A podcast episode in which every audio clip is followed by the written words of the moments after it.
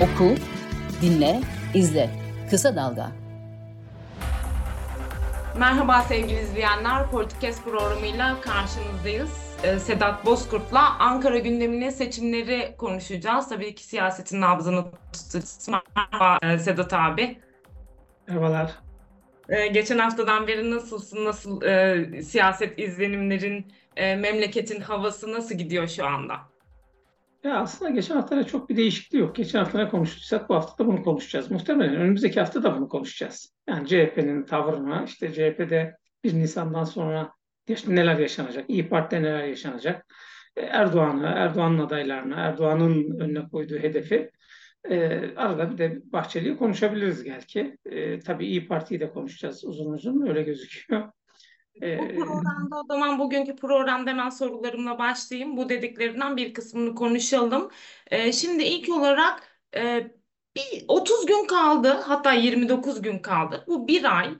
E, şu anda e, seçimlerde insanlar alana çıktı, adaylar alana çıktı, mitingler yapıyorlar, e, seçim bürosu açılışları yapıyorlar, e, esnaf ziyaretleri yapıyorlar ve bol bol da anketler yayınlanıyor. Anketleri birazdan konuşacağız ama şu anda seçim atmosferi Ankara, İstanbul, İzmir genel itibariyle nereyi gösteriyor? Önce böyle başlayalım ve şu yorumunu da isteyeceğim. 30 gün içerisinde bugün yakalanan kim yakaladıysa, hangi taraf yakaladıysa o hava değişir mi? Ondan başlayayım. Yani Erdoğan e, seçim propagandasını son 15 gün e, ne çok yoğunlaştıran bir siyasi figür. 14 ee, Temmuz, 28 e, Temmuz'da da ona tanıklık yaptık son 15 gün. Bütün sokaklar, büyük kentlerin bütün sokakları Erdoğan afişiyle doluydu ve Erdoğan o zaman bir vites büyütmüştü. Şimdi de aynısını yaşayacak muhtemelen. Hani İstanbul'a ağırlık verdiği için e, İstanbul'a abanacak e, yani o son 15 günde. Ama bunun etkisi olur mu? Bunun etkisi oluyor. Gördük bunu muhtelif seferlerde. Erdoğan da bunu bir m, test ettiği için, elinde somut veri olduğu için yapıyor zaten. E, ama ülkede bir böyle kısmen de olsa hani eski seçimler gibi olmasa da bir seçim havası mevcut. E, her yerde afişler var, pankartlar var, partiler çalışıyor. İşte gene e, müzik yayını yapan araçlar evimizin kapımızın önünden geçiyorlar. Birazcık da gürültü kirliliğine ve çevre kirliliğine de sebep oluyor bu anlattıklarım ama seçim işte doğasında bunlar var.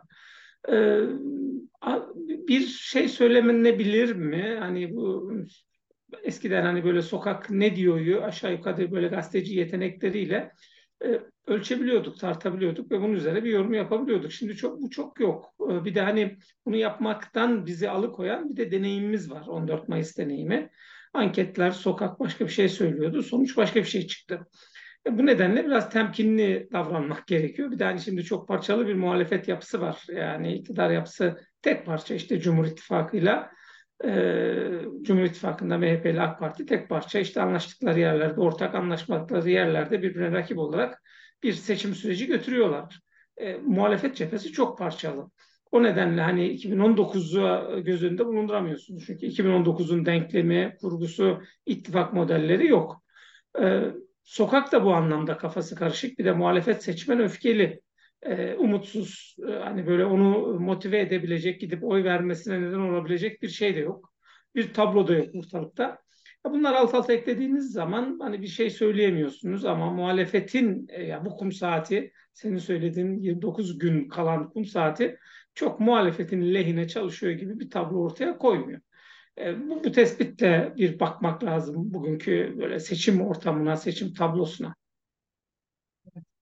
Ee, şimdi hemen ardından anketlerle devam edelim. Ee, çok üst üste anketler yayınlanıyor. Bir de il il yayınlanıyor. Ee, ben e, Ankara ve İstanbul'u özellikle insanlar yoğunlaşıyor ama mesela dün bir anket, önceki gün bir anket yayınlandı. Bursa için çarpıcı bir rakam vardı. E, Bursa'da CHP'nin adayının biliyorsun eski Nilüfer Belediye Başkanı, daha doğrusu Nilüfer Belediye Başkanı e, Bursa'dan aday oldu CHP'de. 10 puanlık bir fark görünüyor. Önce bununla başlayayım. Böyle sürpriz iller olur mu? Ee, sonra bu anketler sorusuyla devam edeceğiz. Evet, Cumhur İttifakı'nın adaylarla CHP'nin adayları aslında hiçbir yerde 10 puan fark olmayacaktır. Olmaz da.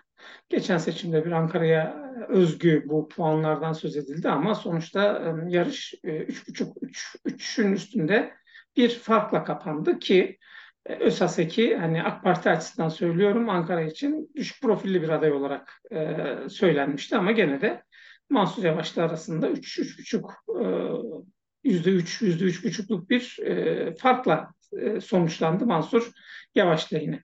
E, İstanbul'da da kafa kafaya gidiyordu başından beri. Hatta Binali Yıldırım 1-2 puan öndeydi, 3 puan öndeydi. Hatta bazı anketlerde Binali Yıldırım 5-6 puan öndeydi. Ama sonuç öyle olmadı. Yani 13 bin oy fark bindeki sürata denk geliyor ama Ekrem İmamoğlu kazandı. E, ikinci e, seçim yani tekrarlandığı zaman bir 800 bin e, oy fark oldu. Bu işte yüzde sekize yüzde dokuzu bulan bir farktı ama bunun nedeni yani siyasetin o seçim yarışının doğasından kaynaklanan bir neden değildi. Bir tepkiydi. Bir haksızlık, hukuksuzluk vardı. Bir mağduriyet yaratılmıştı. Ona yönelik bir tepkiydi. Ve o 800 bin oy da e, Ekrem İmamoğlu'nun cebine girmiş bir oy değildi. Yani evet, sandıklara evet. çıkmıştı ama ortada duruyordu. Yani tekrar Ekrem İmamoğlu'na mı gelir yoksa başka bir adaya mı gider? Adresi belli olmayan bir oydu. Şimdi burada da böyle. Yani Bursa için 10 puan fark çıkması çünkü bir dönem önce kıl payı Ankara, e, CHP daha doğrusu Millet İttifakı kaybetmişti. E, bir aday belirlemedeki hata nedeniyle. E, şimdi CHP'nin adayı var orada. İyi Parti'nin çok güçlü bir adayı var. İyi Parti'nin çok güçlü bir adayı olması demek o 10 puanın olma ihtimalini imkansız hale getiriyor zaten. Çünkü bir önceki seçimde İyi Parti ile CHP beraberdiler. Ee, şimdi muhtelif adaylar da var orada. Ee, bu nedenle hani o, bu anket sonuçlarına böyle abartılı bir o, fark ortaya koyan anket sonuçlarına çok itibar etmemek lazım. Yani anket sonuçları Sedat abi konuşuruz bu anketler sürekli yanılıyorlar zaten ama e, şimdi e, CHP ile Bursa'da diyelim ki 10 puan fark yok ama yine de bir önde olma hali gözüküyor. Sen de söyledin 2019 yılında zaten kıl payı başa baş giden bir e, seçim vardı. E, hala mesela e, bu kadar büyük fark olmasa da Bursa muhalefetin eline geçer mi? E, çünkü geçmesi demek Bursa gibi önemli bir şehir açısından önemli e, CHP açısından da büyük kazanım demek. E, bir büyük şehri e, ele geçirmesi. Ayrıca da CHP'de uzun zamandır Bursa biliyorsun muhalefetin elinde değildi. E, ve bunun gibi başkaca sürpriz iller olabilir mi muhalefet açısından? Yani muhalefet 29 Mayıs sabahı senkronize hareket etme e, yeteneğini devam ettirseydi, o Millet İttifakı mekaniğini çalıştırsaydı, yani Bursa'da, Balıkesir'de, pek çok yerde, e, hatta Karadeniz'de de muhtelif yerler, e, muhalefet bloğunu yani Millet İttifakı'nın e, kazanması şaşırtıcı olmazdı. Ama orada dağıldılar, orada çöktüler ve bu çöküş e, seçmende bir e, öfke yarattı, umutsuzluk yarattı. Bu nedenle hani Bursa'yı alırsa çok sürpriz olur ama Bursa'yı alırken aynı şekilde bazı yerleri de kaybedebilir. Çünkü e, memlekette Sürpriz yaşanan bu görüyorsun yani Bursa'yı o zaman. Sürpriz görüyorsun bıçak hala. sırtı görüyorum. Bıçak sırtı görüyorum ama ben e, iktidarın hala orada avantajlı olduğunu düşünüyorum muhalefetteki parçalı yapı nedeniyle. Çünkü hani bu bütün köyleri mahalle yaparak ilçelerin tamamını da büyük şehire oy verdirerek e, AK Parti kendisine birazcık avantaj sağladı. E, bu, bu halen devam ediyor. Yani 2019'daki o ülke genelindeki iklim ve kurulan denklemle e, İzmir dışında kazanılan 10 büyük şehir yanıltıcı olmasın. Onların kalıcı olup olmadığına zaten şimdi bakacağız. İstanbul'da dahil buralar önemli yerler. Yani Bursa'da, İstanbul'da, Mersin'de, Adana'da bıçak sırtı yerler. E, Ankara'da hani birazcık daha Mansur Yavaş'ın avantajlı olduğunu görüyoruz, gözlemliyoruz da aynı zamanda. Oradaki seçmen sosyolojiden kaynaklanan bir e, avantajı da var Mansur Yavaş'ın. Çünkü rakibi de kendisiyle aynı kimlikten, aynı politik e, kökenden geliyor. İzmir'de oyların düşme ihtimalinin çok yüksek olduğunu görüyoruz. CHP'nin hani kazanma ihtimali var ama hani bir İzmir'de CHP'nin adayı kaybettiği zaman e, nasıl kaybetti sorusu sorulmayacak. Çünkü bir tablo var ortada. E, o tabloya baktığınız zaman kaybetme ihtimali de teorik de olsa bile getiriyorsunuz. Bu nedenle hani Bursa'da CHP, CHP kazanmak isteyecektir tabii ki. Çünkü moral motivasyona çok ihtiyacı olacak bir Nisan'dan sonra mevcut yönetimin değişim iddiasıyla ortaya çıkıp bütün adayları kendisinin kendisine göre belirlediği kriterlerle risk alarak belirleyen e, CHP yönetiminin buna çok ihtiyacı var. Yani buradan kaybederse eğer, yani sadece ülkede bir takım belediye başkanlıklarını kaybetmek olmayacak. Bunun faturası e, getirilip konulacaktır bu yönetimin önüne. Ekrem İmamoğlu'yla birlikte. Yani Adana kaybedildiği zaman, Hatay kaybedildiği zaman, Antalya kaybedildiği zaman bunun faturası tek başına Özgür Özel'e kesilmeyecek ve bu faturanın e, nerede kesileceği de CHP'nin geleneğinde bellidir. E, o nedenle hani Bursa'da m, kazanırlar mı, kaybederler mi? Çünkü e, hani biraz önce söyledim o 29 Mayıs sabahı Millet İttifakı mekaniği çalışıyor olsaydı karşılarında istikrarlı şekilde dramatik oy kaybetmeye başlamış bir e, AK Parti olacaktı. Hani Millet İttifakı'nın e, içinde MHP'nin varlığı da AK Parti'deki bu erozyonu e, ya da bu oy kaybını e, engellemeye çok yetmeyecekti.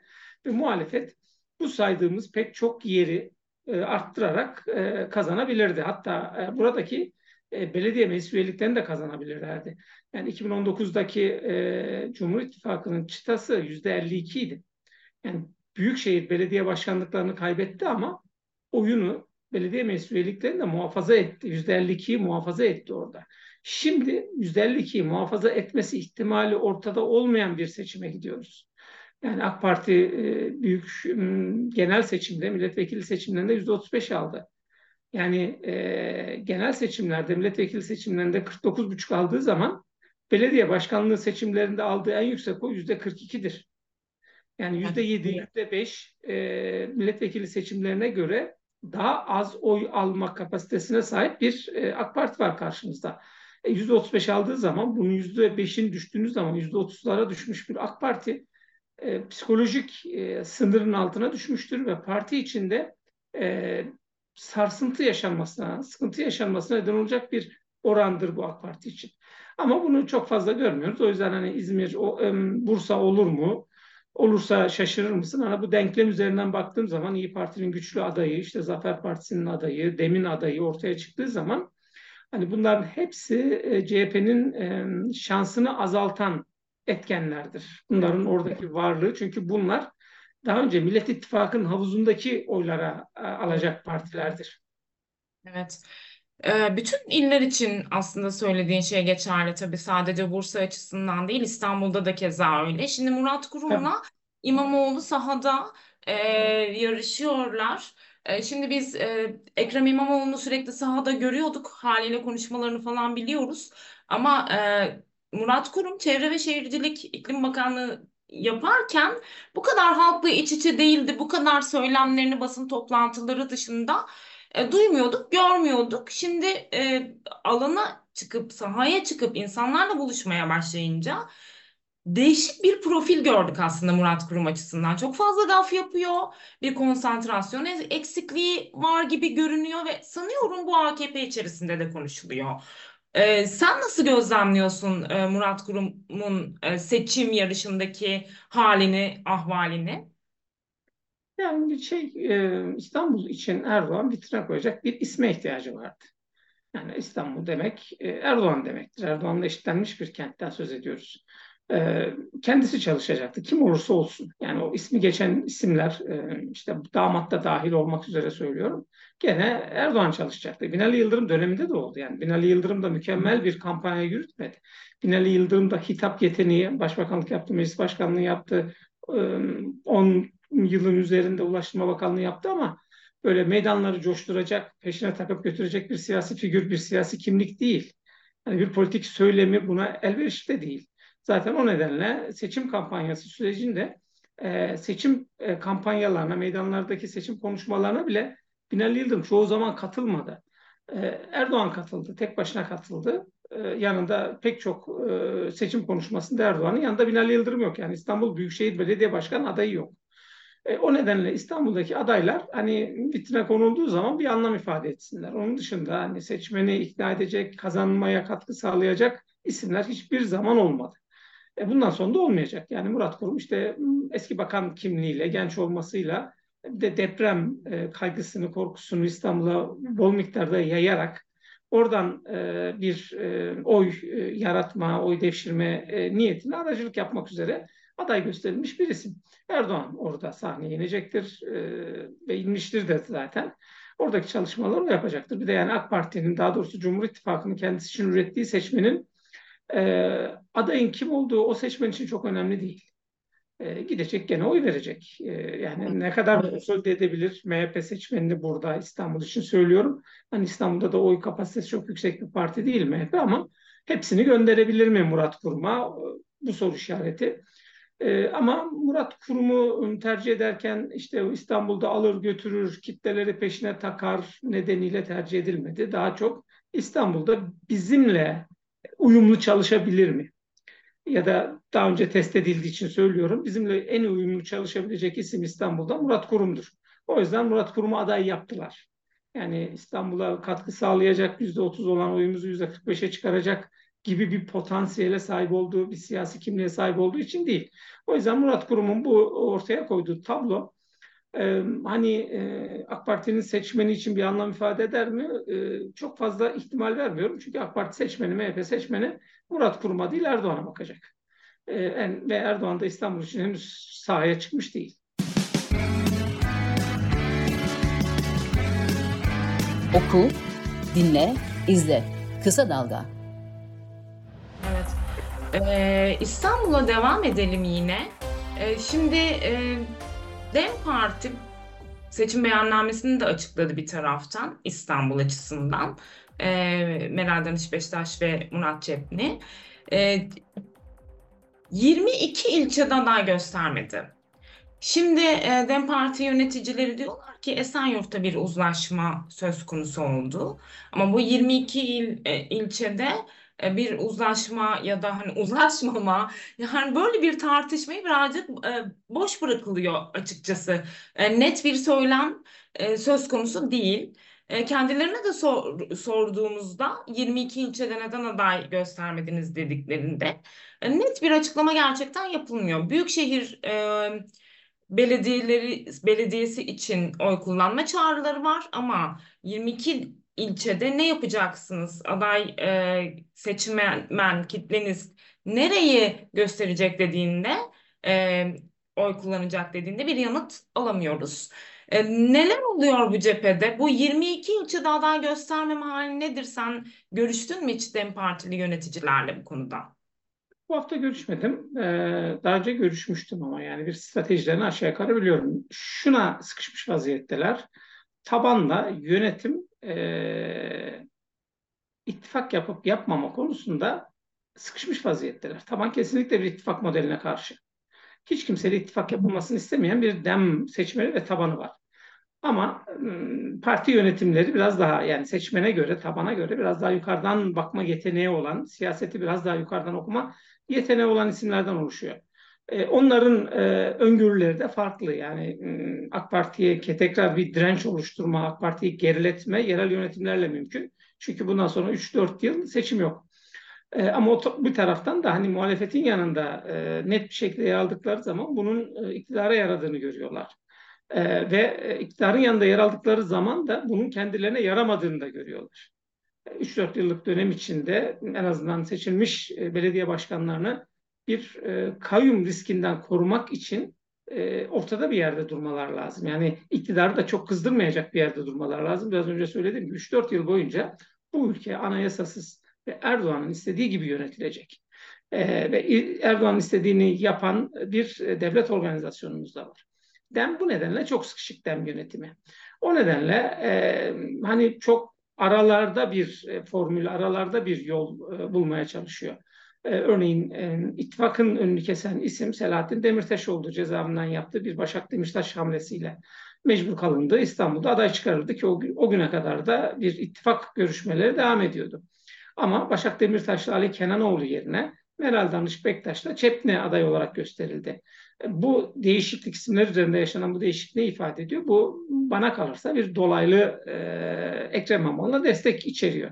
Ha, bu cümleyi niye kuruyorum? Başak Demirtaş'la Ali Kenanoğlu'nun oy potansiyeli e, dem siyasetinin hayli üstündedir.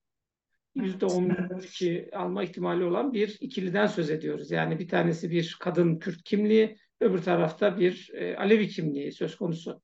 Ve bunlar e, ciddi bir şekilde de seçmende karşılığı olan iki siyasi figür. E, Meral Danış Bektaş da DEM Parti'nin tabanında seçmeninde karşı olan bir isim oraları derleyebilir mi, konsolide edebilir mi? Ee, evet edebilir ama yükseltemez. Üstüne bir şey koyma ihtimalini çok görmüyorum. E, Çetli de aynı şekilde yani böyle hani Ekrem İmamoğlu'na CHP'ye e, oy verme alışkanlığı olmayan sol sosyalist çevreler için bir seçenek olabilir.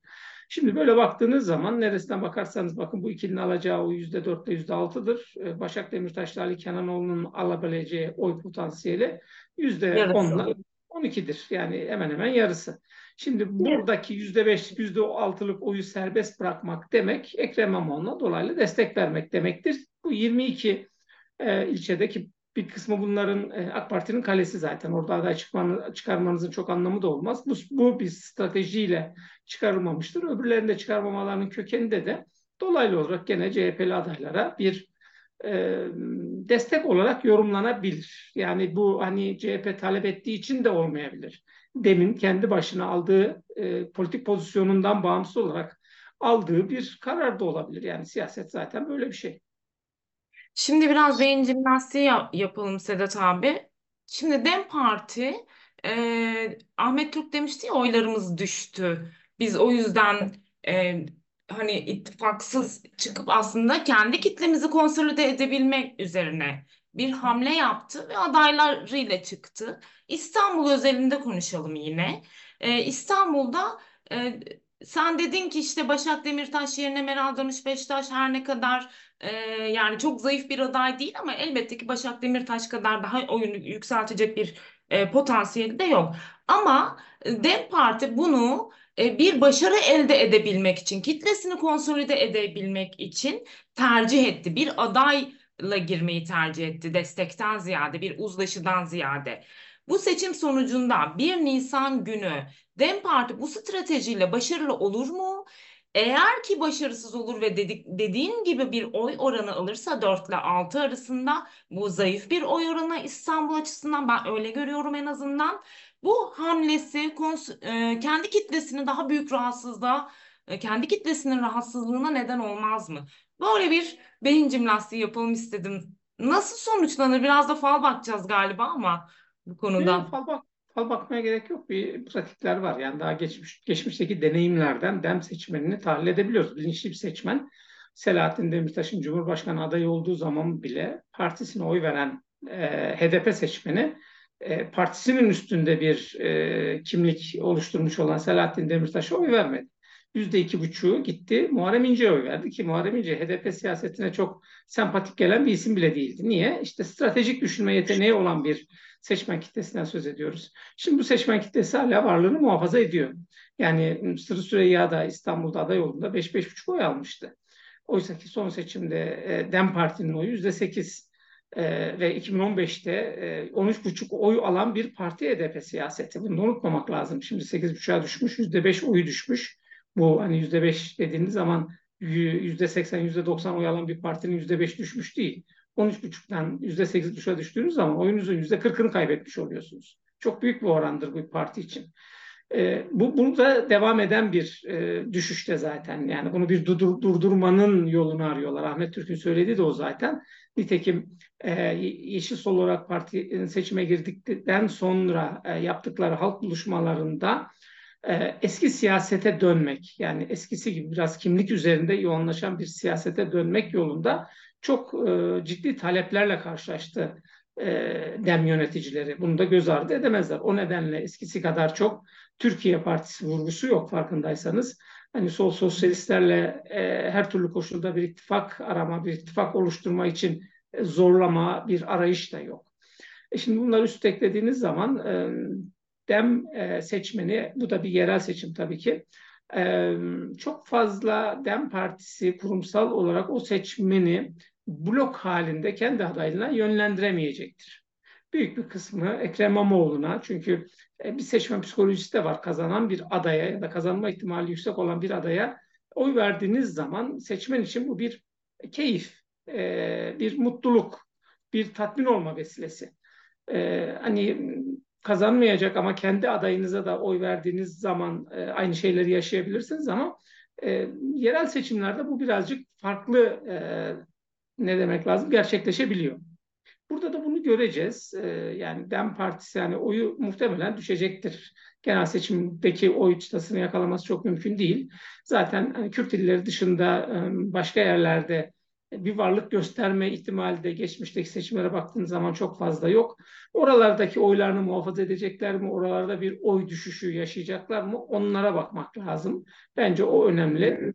E çünkü oralar halen Dem Partisi'nin varlık nedeni. Oralarda da oyları düşüyorsa ve zayıflama eğilimi varsa e, bu dem açısından bir sıkıntı yaratacaktır tabii. Bir sonuç ne olursa olsun hani İyi Parti, CHP'de olduğu gibi Dem Parti'de de bir e, iç tartışma süreci yaşanacaktır yani. Evet 1 Nisan gerçekten karışık bir zaman dilimi olacak biz Mi, gazeteci milat, milat oldu galiba. biz gazeteciler için de 1 Nisan'da işimiz asla bitmeyecek. Zaten bitmiyor ama bu sefer de herhalde parti içinde ne oluyor haberleri yapıp seninle bunları konuşacağız. Ee, çok kısa alacağım Sedat abi. Zamanımız da azalıyor çünkü. Kemal Kılıçdaroğlu'nun son açıklamaları 1 Nisan deyince aklıma Kemal Kılıçdaroğlu geliyor. Ee, çünkü bir kurultaya hazırlanacak mı CHP yeniden? Ee, Özgür Özel başarısız olursa yeniden e, 1 Nisan'da bunlar konuşulacak mı diye çokça konuşuldu. Biz de konuştuk bu yayında. Senin bir beklentin vardı kurultay beklentin. Şimdi Kemal Kılıçdaroğlu'nun açıklamaları önemli. Eleştiriler sundu e, CHP'ye dönük aslında. Kendi e, mizaç olarak e, Kılıçdaroğlu daha naif bir insan olduğu için e, kaba bir eleştiri sunmadı ama satır arasında okuyanlar için aslında CHP açısından çok ciddi eleştirilerdi. Lütfi Savaş'ın adının yıpratılması, aday belirleme sürecindeki tartışmaları eleştiri sundu ve ayrıca dedi ki bir başarısız olunursa masaya oturulur, konuşulur, tartışılır. Bu cümlelerin satır arasını sen nasıl okuyorsun? Kemal Kılıçdaroğlu bir başarısızlık durumu olursa 1 Nisan'da ben varım mı diyor peki acaba? Ya tabii e, siyaseten CHP'de genel başkanlık yapmış bir siyasi figür. Hani bir anda ben emekli olacağım, torunlarımı seveceğim olmuyor Türkiye'de. Dışarıda oluyor yani. Bunu hiçbiri yapamadı. Ne Özal, ne Demirel, ne Erbakan hiçbiri yapamadı. Yani bunu Erkeli Kemal konuştuk Kılıçdaroğlu geçen hafta kendisi Tabii. yapabildi diye. Hani Bat, batı'da var örnekleri, burada yok. Şimdi bir de hani Kemal Kılıçdaroğlu'nda oğlunun dönemini arayan bir dönem yaşıyorsa CHP, çünkü siyaset boşluk kaldırmaz. Ee, Kemal Kılıçdaroğlu'nun bulunduğu ofis bir anda tahaf haline, tahaf edilen bir mekan haline gelir. Aynen öyle ama bir organize, hani daha öncenin Baykalcılar gibi parti içi organize bir muhalif hareket şeklinde dönüşme ihtimali en azından şimdilerde yok. 1 Nisan'dan sonra onu gözlemlemeye başlayacağız. Şimdi müstakil olarak parti içinde karşılığı olan, parti içinde gücü de olan isimler e, kendi e, örgütlü yapılarını muhafaza etmeye çalışıyorlar. Ve e, daha önce Özgür Özel'e oy vermiş ve belli delegelere de etkileme yeteneği olan isimler de beklemedeler. Ve bu aday belirleme sürecinde hepsi kırılmış. Ben hep söylüyorum, tekrarlayayım burada. Aday CHP'nin aday belirlediği her seçim bölgesinde bir enkaz var. Ve bu enkazın başında da bekleyen insanlar var. Ve o şunu da unutmamak lazım. Yani bu e, aday belirleme sürecindeki karar veren parti meclisi e, ortalama 400 oyla seçilmiştir. Yani 380 küsur delegenin 400 oyla, üçte birin oyuyla. Orada bir meşruiyet tartışması da yaşanır. Ve bu, bu şuna işaret eder. E, bu parti yönetimini e, çok beğenerek belirlememiş bir delege yapısı var en azından bu parti yönetimini tekrar belirlemek için bir araya gelmek isterler. Ne olursa olsun 1 Nisan'dan sonra CHP'de bir olağanüstü kurultay tartışması hatta girişimi yaşanacaktır. CHP yeteneklidir. Bu koral kurultayı da toplar. Geçtiğimiz günlerde bir siyasetçiyle sohbet ettiğimde isim vermeyeceğim bana dedi, dedi ki CHP için değişim değişim dediler sadece Kemal Kılıçdaroğlu'nu değiştirdiler. Katılır mısın bu yoruma? Tabii canım ben yani bu değişime yazılarımda da hem de Baykal üzerinden örnek vererek söyledim. İçi boş bir değişim de ortaya çıkılmaz. Yani Kemal Kılıçdaroğlu'nun yönetimiyle bugünkü yönetimin arasında bir fark arayacaksak bu fark inan ki o çok eleştirilen Kemal Kılıçdaroğlu'nun lehinedir. Evet, güzel sohbetin için ve verdiğim bilgiler için teşekkür ediyorum ee, Sedat abi. Ee, yine bir siyaseti değerlendirdik. Haftalar yoğun insanlar yine sokaklara çıkmaya devam edecek. Ben Bu teşekkür arada ederim. bir, bir, bir cümle elim zamanı çok şey pazar günkü bu pazar e, yani bu yayınlandıktan bir gün sonraki pazar günkü kısa dalga.net'te bir e, İyi Parti ile Meral Akşener ile ilgili bir kulis bilgim var. Reklamımızı o zaman söylemeyelim ama şimdiden. Çünkü bu yayını izleyenler o kulis bilgisinin peşine düşebilirler. Haber atlatmayalım. E, atlatalım. E, teşekkür ediyorum o zaman. Pazar günkü yazını da yani yarınki yazını da hemen e, merakla bekliyoruz biz de. Ee, sevgili izleyenler Politikes yayınıyla karşınızdaydınız. Sedat Bozkurt'la Ankara gündemini sadece Ankara değil İstanbul, İzmir, Türkiye'nin siyaset nabzını ve yerel seçimleri konuştuk. Teşekkür ediyorum. Hoşçakalın. Hoşçakalın.